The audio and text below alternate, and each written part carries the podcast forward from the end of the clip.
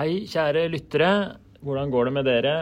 Her går alt bra. Jeg har tenkt at jeg skulle legge ut en uh, litt annerledes episode denne gangen. Jeg hadde nylig en forelesning for medisinstudentene i Oslo. Jeg jobber jo der som um, stipendiat, og da underviser jeg også i atferdsfag, i klinisk kommunikasjon og mitt hjertebarn motiverende intervju. Så jeg hadde forelesning om motiverende intervju, introduksjonsforelesninga. Uh, så den alle forelesningene blir tatt opp og sånt nå, så jeg har tatt det opptaket, klippa litt i det. Fjerna, jeg måtte fjerne noen diskusjoner som ikke funker, fordi man hører jo ikke studentene. Det er bare jeg som har mikrofon. Uh, og så måtte jeg fjerne en sånn passuentkasuistikk, fordi den vil jeg ikke offentliggjøre. Men uh, jeg tror den, uh, det opptaket er ganske lærerikt og morsomt og nyttig for de som er interessert i å lære om endring, motivasjon, kommunikasjon. Så nå kan dere være flue på veggen og få se hvordan det er å være medisinstudent på Universitetet i Oslo. Så den kommer nå. En, men det er en liten ting før vi går i gang og hører på den forelesninga. Det er jo fint å sitte passivt og høre på, men for å virkelig lære motiverende intervju, så må man være aktiv. Man må reflektere, øve sammen med andre. Så derfor, hvis du har lyst til å lære mer, så anbefaler jeg å gå på nettsida mi, hermanegenberg.com. Der ligger det mal i motiverende intervju. Eh, og masse andre ressurser. De er gratis, bare å laste ned. Men med den malen så kan du prøve selv, enten med en venn eller en kollega. Og det er, det er, da, det er da, man virkelig eh, får et utbytte av det der. Så det anbefaler jeg. Og hvis du jobber et sted hvor dere trenger en innføring i motiverende intervju, så må du altså sende meg en melding. Jeg reiser rundt, jeg holder foredrag og kurs i motiverende intervju for helsepersonell, for veiledere, HR eh, og ledelse og alt mulig. Og jeg syns det er så gøy å møtes, gjøre øvelser, terpe, gi tilbakemeldinger og lære disse her viktige prinsippene for, for motivasjon, mestring og endring. Og det kan, altså en sånn eh, metodikk, motiverende intervju som metodikk kan virkelig forvandle en arbeidsplass og kulturen på jobb. liksom. Det at man lærer seg å kommunisere, man lærer seg å lytte, heie hverandre fremover. Altså det, og det gjelder både hvis man jobber med pasienter, men også hvis man jobber med kunder og kollegaer. og og har andre typer arbeidsplasser. Så, så, ta kontakt, så kan jeg komme og holde foredrag for din arbeidsplass også. Det er kontaktskjema på nettsida mi, da. hermanegenberg.com. Ok, det var eh, nok reklame. Eh, god lytting.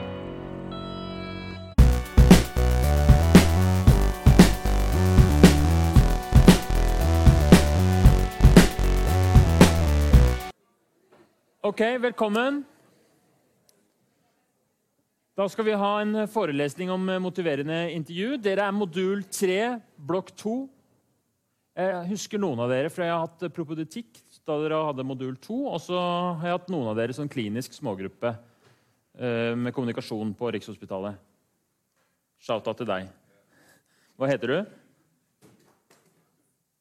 Mats, ja. Det var Mats. Følg med, Mats. OK. Vi skal ha, um, Dette her er modulen hvor dere lærer å motivere en intervju. Det er jo et, um, det kommer til å vite hva er for noe, men det er ved siden av alt det kliniske dere lærer.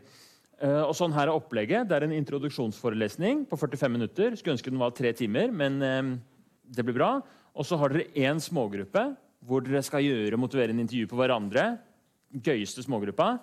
Så er det et fedmeseminar hvor jeg også er med, og det er litt integrert i, i undervisningen der. Så er det en forelesning til.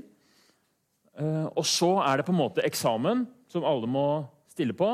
Da skal dere ha et motiverende intervju med en skuespiller. Det blir filma på video. Vi har eh, masse systemer satt opp. Og så blir det tatt ut det klippet fra den videoen dere var mest fornøyd med. Og så er det en ny smågruppe hvor vi går gjennom den og diskuterer og terper og gir tilbakemelding på sånn detaljer i teknikken deres. Så dere kommer til å bli kjempegode i motiverende intervju. Men det krever at dere er til stede, at dere er engasjert, at dere mm, tør å gi av dere selv i alle disse her mm, punktene. Og hvis dere gjør det, så blir dere virkelig gode. Ok? Spørsmål? Hvorfor er eh, motiverende intervju eh, noe av det viktigste dere skal lære? Det er fordi, eh, akkurat som Aud Høyeggen sa med blodtrykket, de fleste sykdommer kan helt eller delvis forebygges og behandles med atferdsendring og livsstilstiltak. Så si en sykdom. Høyt blodtrykk. Hvilke tiltak kan eh, helt eller delvis forbedre høyt blodtrykk? Livsstil og mer spesifikt kosthold og fysisk aktivitet. Og Hun sa til meg nå at hvis du trener, så kan det bety at du tar én blodtrykksmedisin mindre. Kosthold det samme. Er det noen her som har en eller annen endring som de har lyst til å gjøre? Et eller annet nyttårsforsett eller noe som du sliter med? Og Da vil jeg ikke ha suksesshistorie, men da vil jeg ha failure-historie. Er det noen som har noe? Du vil legge deg tidligere. Hvorfor det? Du sover for lite på natta, det går utover livet ditt. Du er trøtt på morgenen nå på forelesning, sliter med å henge med, for du har lyst til å, du skulle gjerne hatt åtte timer i natt, fikk bare seks. Men hvorfor klarer du det ikke? Det burde jo være lett å bare legge seg litt tidligere. Du er medisinstudent. Du har kommet inn her på eh, 69 poeng på samordna opptak og er blant de mest kapable i din aldersgruppe i landet og du har bestått fysiologi- og anatomieksamen. Du klarer de mest utrolige ting. Men å gå og legge deg ikke for å, Men alle kjenner seg igjen i det. ikke sant? Hvor vanskelig det er. Du har til og med lyst til det. Du vil det. Hvorfor er det så vanskelig å gjøre en endring? Er det noen som har noen idé om det? Ja, ikke sant? Vi er så vanedyr. Vi er helt sånn innarbeidet i status quo. Og hvis kroppen har lært seg til at det er deilig å sitte oppe, så er sikkert 50 av dere er i samme bås. ikke sant? Rekk opp hånda, de som har lyst til å legge seg tidligere. det var jo 90 Så eh, Å endre den liksom, programmet som vi har arbeidet oss inn i, er kjempevanskelig. Og vi kan koke det ned til et par ting. Det ene er ambivalens, som vi skal lære masse mer om i løpet av disse forelesningene om motiverende intervju. Det er at Å legge seg tidligere det har masse fordeler, og så har du noen ulemper òg. Og det er litt komplisert. ikke sant? Fordi det er jo altså Du er medisinstudent, og når du har jobba hele dagen og på kvelden, så er det et eller annet med at det er den tiden for deg selv. Du, nå har jeg bare i bildet mitt at du sitter på Netflix, men jeg veit ikke hva du gjør på kvelden. Men i hvert fall så, så er det alltid liksom både fordeler og ulemper, og det er litt ambivalens. Og med en gang det er ambivalens, så er det vanskelig å gjøre en endring. Sånn er det for pasienten òg. Selv om de har blodtrykk, og det virker helt åpenbart at de må spise salat og gå på gymmen, så er det masse ulemper for de med det. At det er flaut å møte opp på uh, gymmen. De elsker den der Nugatti-skiva, hva det nå enn er. I tillegg så mangler vi fokus, fordi du har lyst til å endre og legge deg tidligere, men du har ti millioner andre ting du også har lyst til å gjøre. ikke sant? Det er ikke den eneste endringen du kunne tenke deg i livet ditt. Nei. Jeg gjør det vanskelig, men samtidig lett for deg. Um, vi mangler fokus. Og Um, det gjør at Kanskje så bestemmer du deg for da, nyttårsaften at ok, jeg skal begynne å legge meg litt tidligere. og så To dager senere så tenker du at det hadde vært digg å begynne å spare litt mer penger. Og Så blir det fokus, så sitter du oppe på kvelden og tenker ja, men jeg skal sitte opp litt ekstra i dag ved å lage budsjett. Og så tenker du åh, det hadde vært digg å begynne å trene, og så er det det som tar over. Så det der med fokus er en kjempestor grunn til at vi liksom blir sittende i vanene våre. Og så til slutt, vi mangler mestringstillit.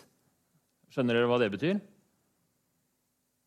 Hvis du eh, har hele livet ditt eller mange ganger prøvd å legge deg tidligere og opplever igjen og igjen at det ikke går, så sitter det seg etter hvert en sånn der hjelpeløshet, en sånn tanke om at dette her får jeg ikke til. Og Hvis man ikke tror at man kan få til noe, så er det nesten umulig å motivere seg til det.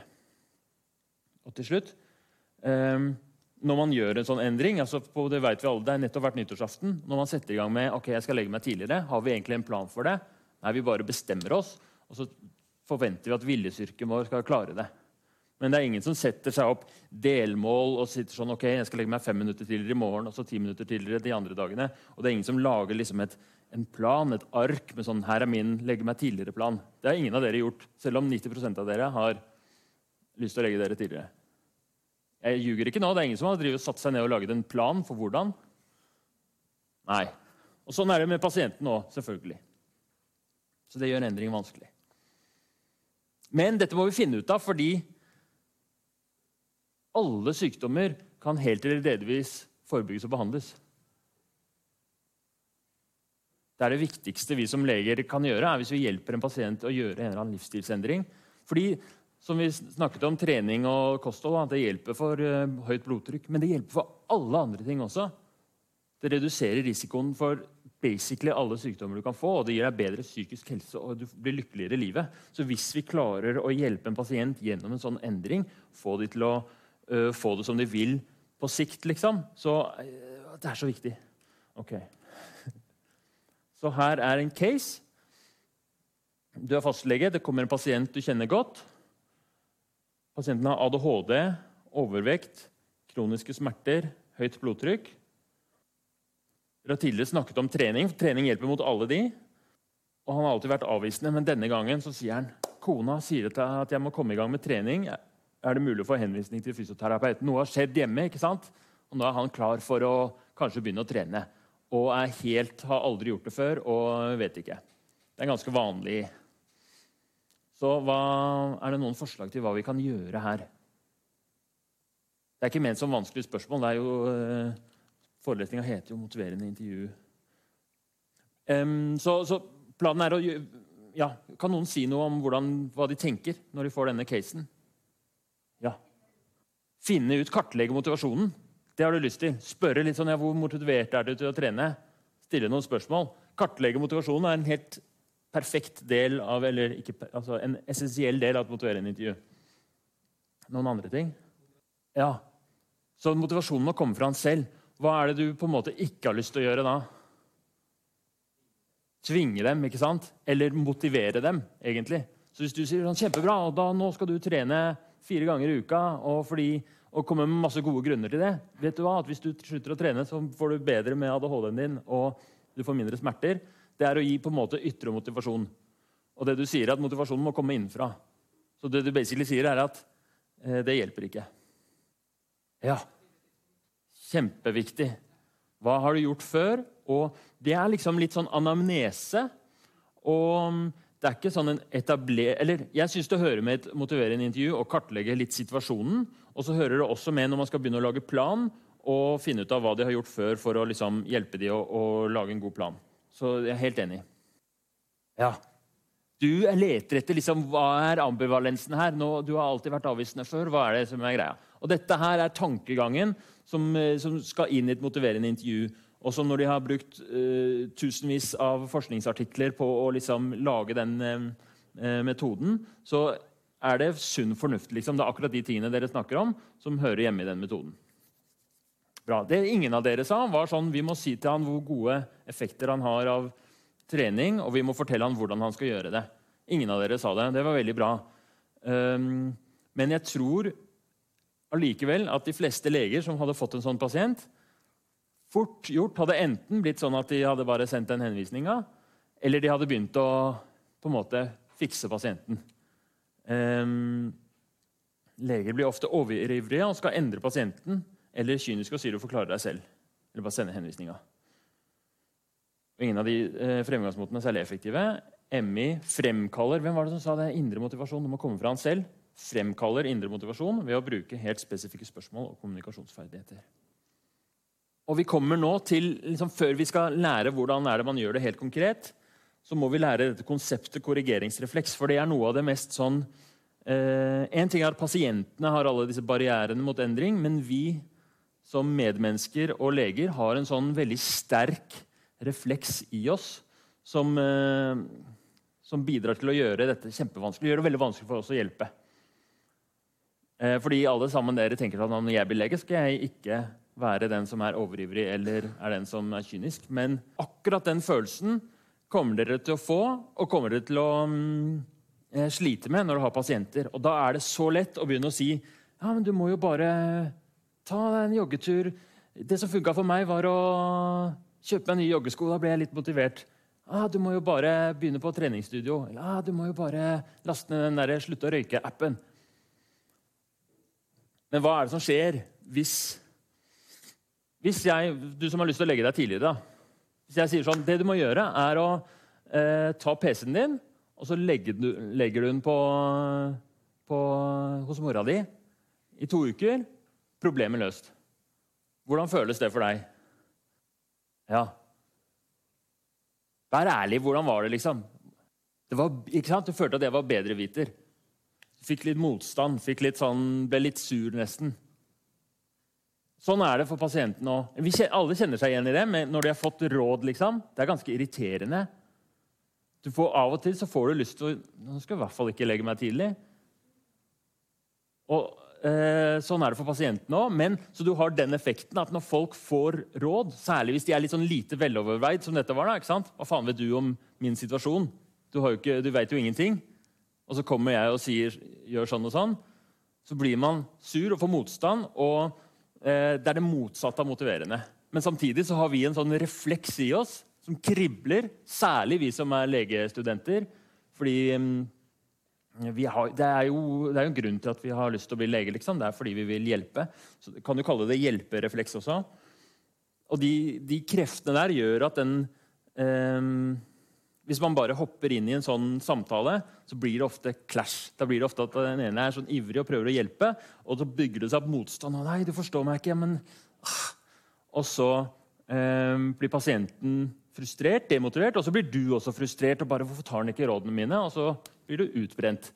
Så vi må, vi må, vi må gjøre Vi må lære oss å motivere en intervju, som da er liksom en veldig sånn, egentlig ganske tight struktur for hvordan man legger opp samtalen, sånn at man unngår det. da.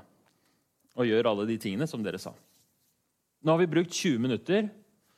Nå er det litt opp til dere hvordan vi skal bruke resten. Hva har dere lyst til å Uh, hva har dere lyst til å gå skikkelig inn på nå? Hva er det dere trenger for å nå som den neste smågruppa så skal dere gjøre motiverende intervju på hverandre? Hva er det dere mangler for å kunne gjøre det?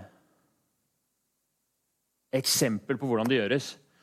Da um, Hadde du lyst til å ha et eksempel her og nå? liksom? Live eksempel. Er det noen som vil bli motivert? Det kan vi godt gjøre. Ellers så er det her um, um, Her har jeg spilt inn en podkast. Det er Motiverende intervju, episode 81. Det er en venn av meg som røyka, og så kalte jeg han inn. Og så Nå skal vi ha røykesluttsamtale for medisinstudentene. Så da har vi spilt inn en time. Den er lang, da. Det er en times podkast.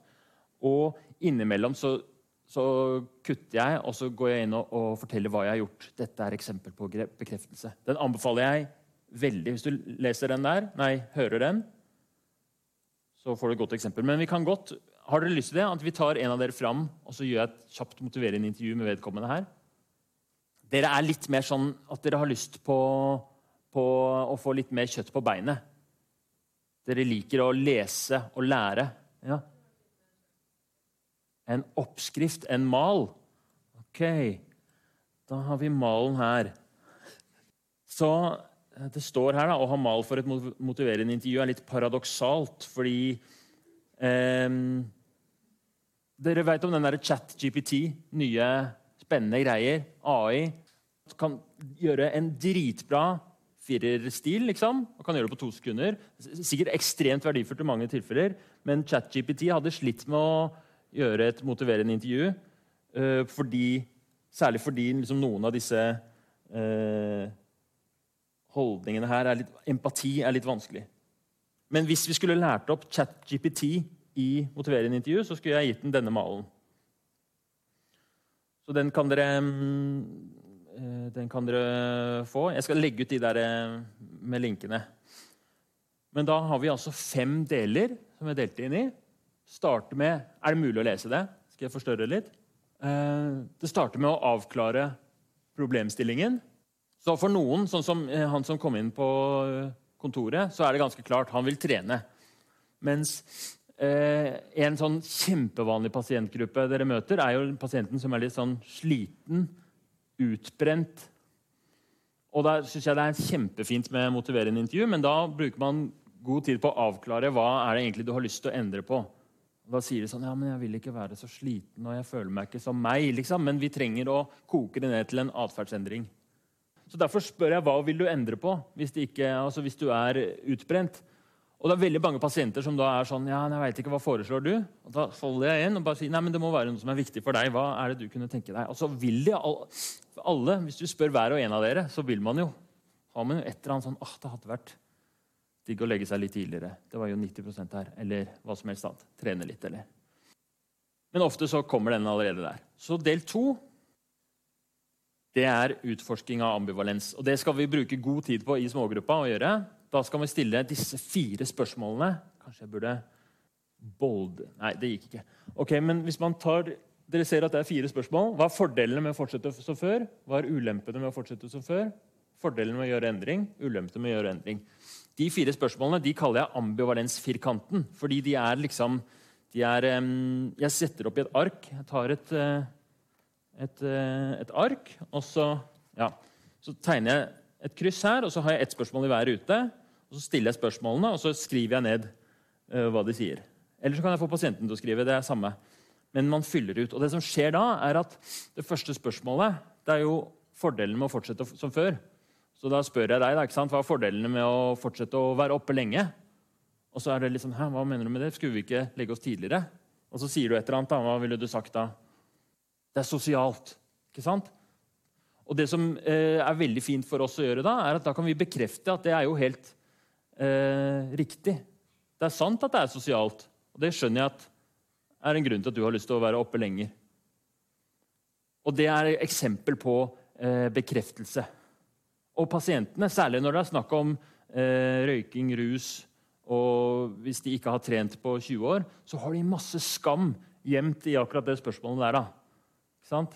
Ja, men Det er faktisk litt godt med røyken. Og så forventer de å bli dømt. Og da får vi muligheten med en gang til å si ja, men det skjønner jeg, det er mange som syns det er godt med den røyken. Og er, selvfølgelig er det sosialt.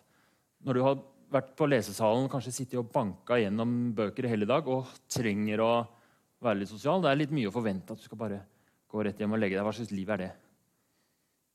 Og det føles som regel bra og er med på å skape, vel, skape tillit og skape en god stemning i samtalen. Er du enig? Føltes bedre enn å få den derre Kast den PC-en. um, Og så kommer vi over til ulempene med å fortsette som før. Og når man allerede har liksom vært på den ene siden og møtt aksept da, så er det så mye lettere å begynne å, komme med argumentene for hva er ulempene med, å, med at du er oppe lenge. Mindre energi. Og Det er da et endringsargument. Det er eksempel på endringssnakk. Og Da kan man dykke i den. ikke sant? Hva betyr det for deg å ha mindre energi? Og stille disse spørsmålene videre. Og da skjer det noe hos den som snakker å, Selv om disse tingene, det er ikke noe nytt informasjon, dette vet jo du fra før, men ved å snakke om det, det er der liksom magien ligger, da uttrykker man sine, liksom sin ambivalens. Det er som en floke som man driver og løsner opp. Ting blir klarere, og så vokser det en indre motivasjon. Fortsetter å stille spørsmål om fordelene med å gjøre en endring. Det er jo på en måte litt det samme, men ofte så kommer det ny informasjon. Altså, hva ville vært fordelene for deg hvis du plutselig begynte å legge deg tidligere? Ja. ja og, eller hvordan ville sett ut, hvordan tror du du hadde fått det? liksom? Fått til skolen bedre. Så da får man liksom det, Selv om det er på en måte det samme spørsmålet, og det var litt sånn, ja, men er ikke det det samme, så får man liksom et eh, nytt perspektiv på det. Og, og i, når man forsker på motiverende intervju og skal liksom bedømme er dette bra eller ikke, så sitter man med stoppeklokka og så teller man antall sekunder hvor pasienten snakker, og særlig da antall sekunder hvor de kommer med endringssnakk. Så mm, jo flere sekunder, så ser man at jo større sjanse er det for å gjøre en endring. Så når de så på alkoholikerne, så var det sånn de alkoholikerne som selv om begge to hadde hatt en 15 minutters samtale, men de som hadde hatt 10 minutters endringssnakk, de drakk fire enheter neste uke. De som hadde hatt fem minutters endringssnakk, de drakk syv enheter neste uke. Ikke sant? Så jo mer pasienten snakker, jo øh, og jo dypere man kommer inn på følelsene og den derre 'jeg hadde blitt en bedre' Når du sier det, 'jeg hadde blitt en bedre, gjort det bedre på skolen', så blir det litt ekte. da, ikke sant? Kanskje, åh, du, kanskje dette her er en god idé for meg. Og så til slutt spør vi om ulempene med å gjøre en endring. Og da er også litt, kommer vi kanskje inn på det sosiale. Og hva hvis man ikke får det til? Så får man en liste over sånne hindringer. Og det er også viktig, fordi det, når vi lager planen etterpå, så må de med. Så det er del to. Er dere med? Del 1 avklarer problemstillingen. Det kan ta ett minutt, det kan ta en time. Jeg hadde et motiverende intervju her med en som var utbrent, som er på podkasten. Da brukte vi hele første episoden på å snakke om det. Hva er det egentlig du vil endre på? Og Det var en veldig nyttig, konstruktiv samtale, men vi har liksom så vidt begynt på det motiverende. Det skal vi gjøre på torsdag. Så kartlegging. Den her pleier ikke å ta så lang tid, men det er det som vi alle var ute etter. Én ting er å kartlegge sånn Hva har du gjort før? Noen ganger så har man en anamnese før man begynner med det motiverende intervjuet. Men denne kartleggingen er helt sånn spesifikk for hvor motivert føler du deg. Så Da stiller vi disse tre spørsmålene her. Noen ganger så stiller jeg bare disse to. Hvor viktig føles endringen på en skala fra 1 til 10? Og hvor stor tro har du på at du kan gjøre en endring på en skala fra 1 til 10? Er det greit for deg at vi stiller deg disse spørsmålene? Hvor viktig er det for deg på skala fra 1 til 10 å legge deg litt tidligere? Fire. Da ser vi det er ikke så viktig. Og det er jo ikke så rart, fordi det var bare sånn, han hjalp jo bare meg med å komme med en problemstilling. Og hvis etter at vi har gjort en sånn her, eh, ambivalensutspørring, og dette er en endring som er fire på viktighet, da sier jeg hei, hei, hei. Hvis det er bare fire på viktighet, hvorfor bryr vi oss egentlig med det? Er det noe annet du vil endre på, eller skal vi ikke bare la det være? Og Noen ganger så sier de sånn Nei, men jeg vil. Så er det kanskje litt viktigere. Men eh, poenget med et motiverende intervju er å skape indre motivasjon til det som pasienten har lyst til å gjøre noe med. Og hvis det ikke er viktig, så er det ikke Da syns jeg ikke det ikke er det vits. Veldig, altså det er veldig sjeldent at etter at man har gjort et motiverende intervju, man kom så langt, at den er på fire. Den er nesten alltid på uh, åtte, ni, ti. Hvis ikke så merker du det før, og da stiller jeg er, er, vil, vil, du virkelig dette her? Er dette her Gir det mening? Hvor stor tro har du på at du kan gjøre en endring? 7,5. Det er bra. Som regel for pasientene så er det motsatt. Så har de høy viktighet, men så har de lav dette som heter mestringstillit. Og det er ofte liksom nøkkelen til at de ikke har klart å gjøre det allerede. fordi de har ikke helt trua. Og Da må man jobbe med det med spesifikke metoder. Ja, det kan jeg si. Så eh, Den ene fremgangsmåten for å liksom øke mestringstillit der i rommet, det er å snakke om mestringshistorier. Så Da spør man hva har du opplevd tidligere som du har klart å, eh, endring du har klart å gjennomføre, eller et prosjekt du har gjennomført, eller noe du er litt stolt av, eller en eller annen motgang du har stått i. Kanskje kjenner man pasienten, og så har man noen eksempler selv. og får det i gang.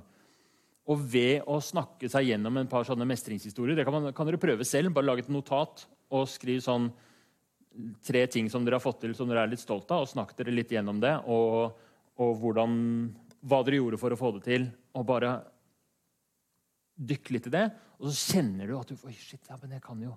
Det, jo. det er en eller annen følelse som kommer da. Så det i seg selv det er den jeg liker aller best. Å snakke om en mestringshistorie. Da kan man også koble det til eh, endringen. Så, så, I den eh, røykesluttsamtalen da, eh, med Erik så har han litt lav mestringstillit. Og Så spør jeg hva er det du har gjort før som du har fått til. Og Så sier han ja, men jeg er ganske stolt av at jeg satte opp garderobeskap hjemme. Og Det føles jo helt eh, ikke-relatert. Så spør jeg han hvorfor hva var det som gjorde at du fikk til det? Jo, jeg samarbeida med kjæresten min, samboeren. Hun gjorde de tingene som jeg, hun er god på, jeg gjorde de tingene jeg er god på. Vi leide inn hjelp til liksom, akkurat det vanskeligste med å, å, designe det skapet så det passet til det skråtaket. Og jeg delte det opp i mindre oppgaver. Og så spurte vi ja, hvordan kunne det blitt relatert til røyken. Og så ja, men søren, jeg kan jo koble på fastlegen og delegere oppgaver til andre. Jeg kan dele opp i mindre oppgaver. Og så plutselig var, sånn, var han i gang å lage en plan da, og hadde høyere mestringstillit. kan man ofte spørre det spørsmålet etterpå. Hvor høy er mestringstilliten nå? Så ser man oi, den har vokst eh, en eller to. Den andre tingen som øker mestringstilliten, det er hvis man er veldig god på å hjelpe dem med å legge en plan og følger den eh, eh ja, Jeg har en mal for endringsplan også. Den får man hvis man trykker på der. Fordi Hvis man legger en plan og plutselig ser at ok, målet er ikke nå å slutte å røyke, men delmålet til neste uke er å få eh, hva det nå enn skal være, få kontakt, eh, snakke med eh, en venn om å, at jeg skal slutte å røyke, og eh, bytte røykemerke for å bryte opp vanen litt og jeg har oppfølging neste uke, så plutselig så kjenner man at oi, men hvis jeg bare fortsetter på denne planen, så kommer jo dette til å gå. Så da øker også mestringstilliten. Var det et svar på spørsmålet? Mestringshistorier og eh, god planlegging. Så det var kartlegging. Og så del fire forpliktelse, ja. Den er bra. Men jeg liker godt å, å, å bruke den anledninga her før man legger plan, til å, til å pushe pasienten litt at vi skal ikke gå videre hvis ikke dette her er viktig. Og, skape litt forpliktelse. Vil du virkelig gjøre dette? Og er du villig til å gjøre en innsats for det? For hvis ikke skal vi bruke tid på å hjelpe, lage plan, alt sammen.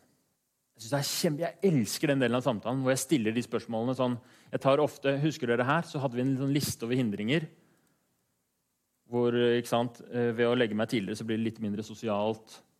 Kanskje kjedelig. Kanskje jeg ligger der og ikke får sove engang. Så har man en sånn liste, og så sier man sånn Er du villig til å gå gjennom det? Er du villig til å gå gjennom det? Er du villig til å gå gjennom det? Og så sitter pasienten og sier sånn Ja, faktisk ja. Faktisk ja. Så ser du, du merker Jeg får av og til gåsehud på det. Nå er jeg nerd, da, men da, da, merker jeg at motivasjonen stiger. liksom. Og så til slutt planlegging. Eh, ser dere dette? Så dette er en mal for endringsplan. Av og til så kommer litt an på tida, så gir jeg bare den sånn. Finne ut av det, lag eh, til neste gang. Så, og så kan man gå gjennom det sammen. Da. Jeg rekker ikke å gå sånn i dybden på alt hvorfor og hvordan, men den består av at eh, man har en, sånn, en slags visjon. I, på Helsedirektoratets side for å motivere en intervju så er det ganske bra, men det er noen ting jeg er uenig i. og det er at De sier at en, mal, en, en plan skal være smart. Så spesifikk, målbar, akseptabel. Dere har sikkert hørt det der smarte mål. ikke sant? Disse, disse, tingene her. Og det er bra for delmål, men hvis du skal ha en plan, så er det ikke så viktig eller Den skal ikke bare være smart. Må være liksom, du, må, du, må, vil, du må føle noe av den planen.